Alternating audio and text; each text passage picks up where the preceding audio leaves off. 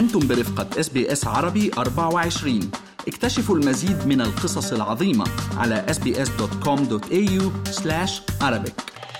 بدأت الحكومة الأسترالية خطوات التخلص التدريجي من قطاع تصدير الأغنام الحية وتعتبر أستراليا واحدة من العديد من البلدان التي تصدر الماشية عن طريق البحر والجو كذلك إلى جميع أنحاء العالم وتوفر تجارة تصدير الماشية أكثر من مليار و600 مليون دولار للاقتصاد الوطني بحسب وزارة الزراعة الفيدرالية. وبحسب الأرقام صدرت أستراليا الأغنام الحية إلى 15 سوقا دوليا في عام 2019 معظمها يقع في الشرق الأوسط وأكبر الأسواق من حيث الحجم كانت الكويت حيث استحوذت على 34% من صادرات الأغنام الحية تليها قطر بنسبة 24% والأردن بنسبة 18% وقال وزير الزراعة الفيدرالي موراي ووت إن المشاورات بدأت بالفعل بشأن شأن الإطار الزمني للتوقف التدريجي عن تصدير الأغنام الحية عن طريق البحر مع استعداد لجنة مستقلة لتقديم توصياتها بحلول سبتمبر أيلول من هذا العام. ورحبت منظمات الرفق بالحيوان بهذا الإعلان لكن اتحاد الوطني للمزارعين عارض إنهاء التصدير الحي ورفض الدخول في أي مشاورات بشأن إنهاء هذه التجارة. للحديث عن هذا الموضوع يسعدنا أن ينضم إلينا السيد رولان جبور المدير الوطني لغرفة التجارة والصناعة الأسترالية العربية. آه، نسألك بداية عن رأيك بهذه الخطوة وهذا الإعلان. فكرة إغلاق قطاع اقتصادي بأكمله يوظف الآلاف ويحقق الأرباح بسبب الاعتراضات اللي آه، في مجملها على ظروف نقل الماشية إلى الدول المستوردة آه، ظروف يعني انتقدتها منظمات الرفق بالحيوان داخل أستراليا وخارجها. لسوء الحظ بتصور أنه وقع هيدا القرار هو حيكون سلبي على بشكل عام على العلاقات التجارية بين أستراليا والأخص بين أستراليا ودول الخليج. يلي حجمها عم يزداد بشكل مستمر وصار يشكل جزء أساسي من التبادل التجاري آه، بين أستراليا وبين دول العالم. آه، بتصور كمان هيدا حيعكس حالة من عدم الاستقرار والوضوح بالقرارات اللي عم تاخذها الحكومات الأسترالية. آه نتيجة الضغوط اللي عم تجي من منظمات الرفق بالحيوان وغيرها.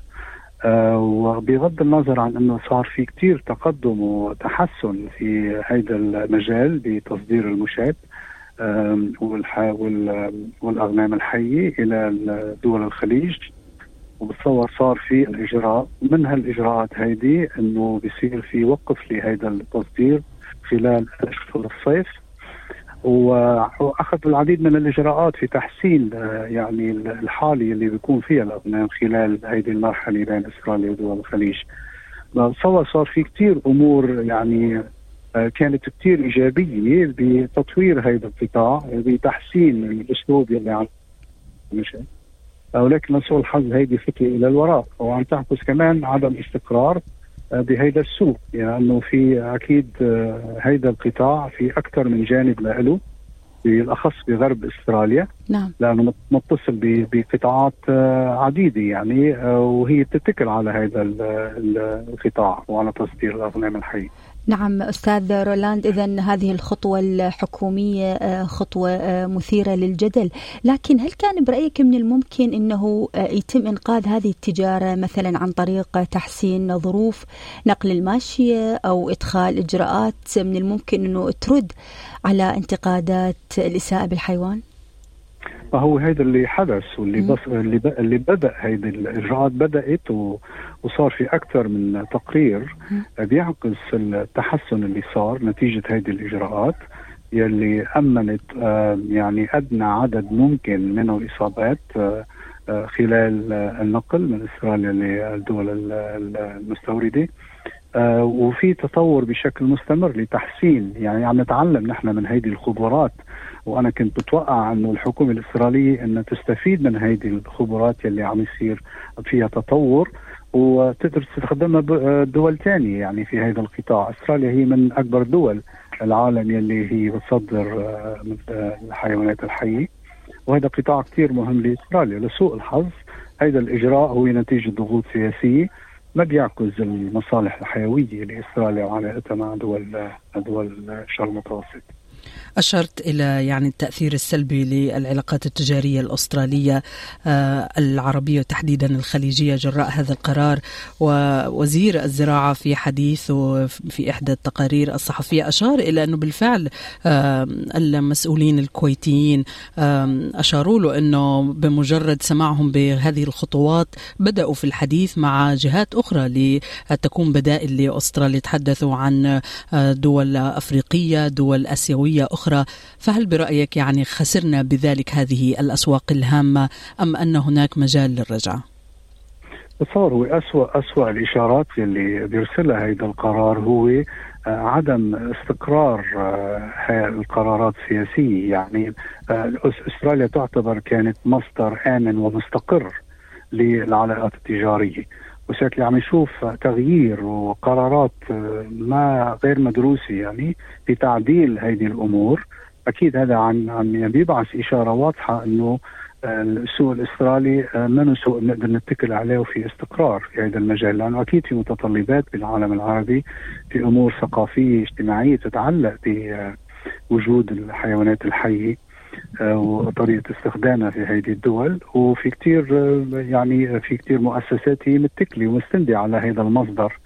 وعدم استقرار هذا المصدر هو اشاره كثير سلبية. آه، الحكومة تقول أنها يعني بهذا القرار أوفت لوعد انتخابي آه، أطلقته أثناء الحملة الانتخابية ووعدت آه، خاصة المهتمين بقضايا البيئة وحقوق الحيوان أنها توقف هذا هذه التجارة.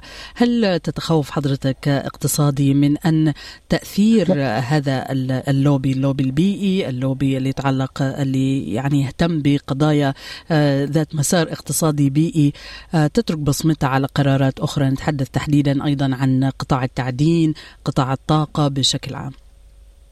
هذا هذا صحيح لأنه استراليا هي يعني فريدة من نوعها وهي عندها فرصة كثير مهمة إنها تعمل. هي تستفيد من ال best practice إنها تقدر تحسن هذا القطاع والأسلوب التعاطي بهذا القطاع بدل ما إنها تتخذ قرارات بحظر وبشكل تام.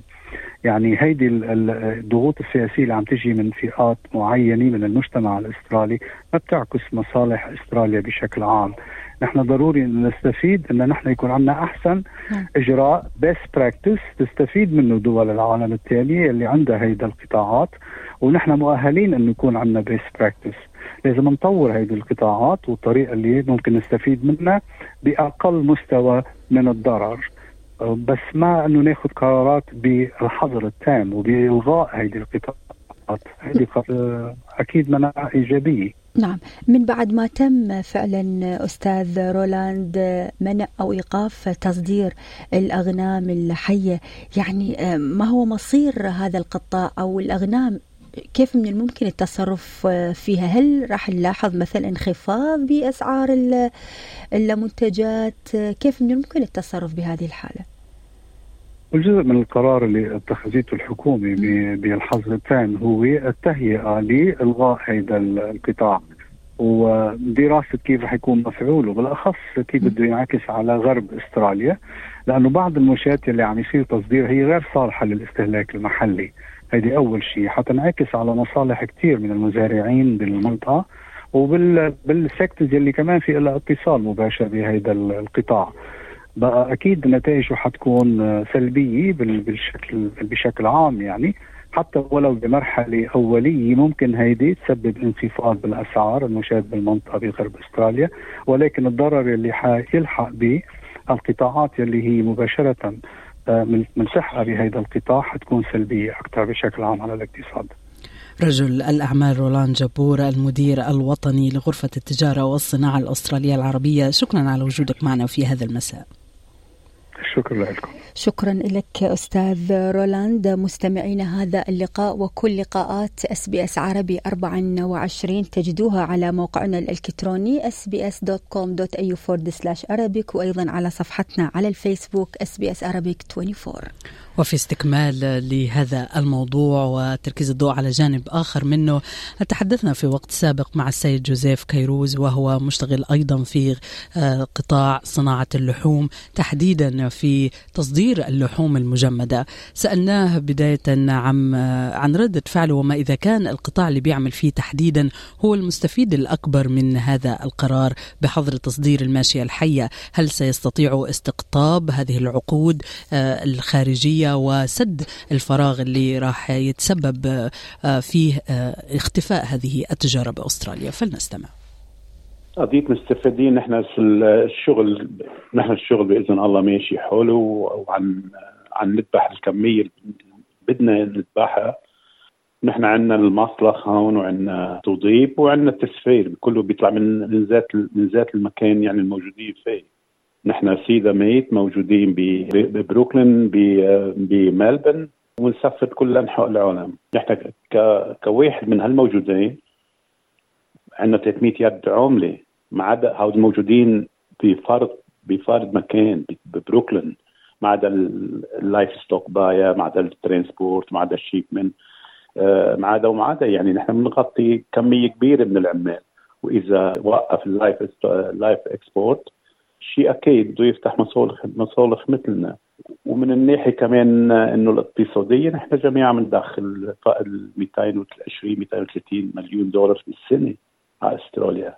من واقع خبرتك شو اللي بيميز الماشية الأسترالية؟ الخراف تحديدا اللي بيخليها دائما مطلوبة ومن أكثر أنواع اللحوم جودة. اليوم اللحم الأسترالي مرغوب بكل أنحاء العالم. لأنه وجود المراعي وكمان بالوقت نفسه الحفظ على سلامة على سلامة الخروف أو اللحم الحي كل لحم الحي موجود بأستراليا. في أطباء في عنا كمان إنه جماعة بيطلعوا على الخروف قبل ما يذبحوا، نحن كمان وقت بيجينا الخروف تنذبحه بده يمرق على انسبكتور على المفتش والمفتش هو بده يتأكد من سلامة صحته إنه صالح للتسفير. وبالوقت نفسه السيدة آه، اليوم نحن بنعرف من آه، من بضاعتنا بنحطها بالأسواق العالميه كلها وبنوع خاص بالشرق الأوسط إنه مطلوبة كرقم كرقم واحد بإذن الله عندنا نذبح حد 35 ألف راس بالجمعة 7000 راس بالنهار. إنه لو آه، لو منه اللحم الأسترالي مطلوب ومرغوب ما بنقدر نعمل هاي. استمعنا إلى رجل الأعمال جوزيف كيروز متحدثا عن موضوع اتخاذ الحكومة الأسترالية قرار إيقاف أو التخلص التدريجي من تصدير الأغنام الحية. استمعوا إلى آخر إصدارات SBS عربي 24 على جميع منصات البودكاست. تابعوا بودكاست الهوية في موسمه الثاني الذي يروي قصصا واقعية تعكس تحديات الانتماء التي يواجهها الشباب العربي في أستراليا.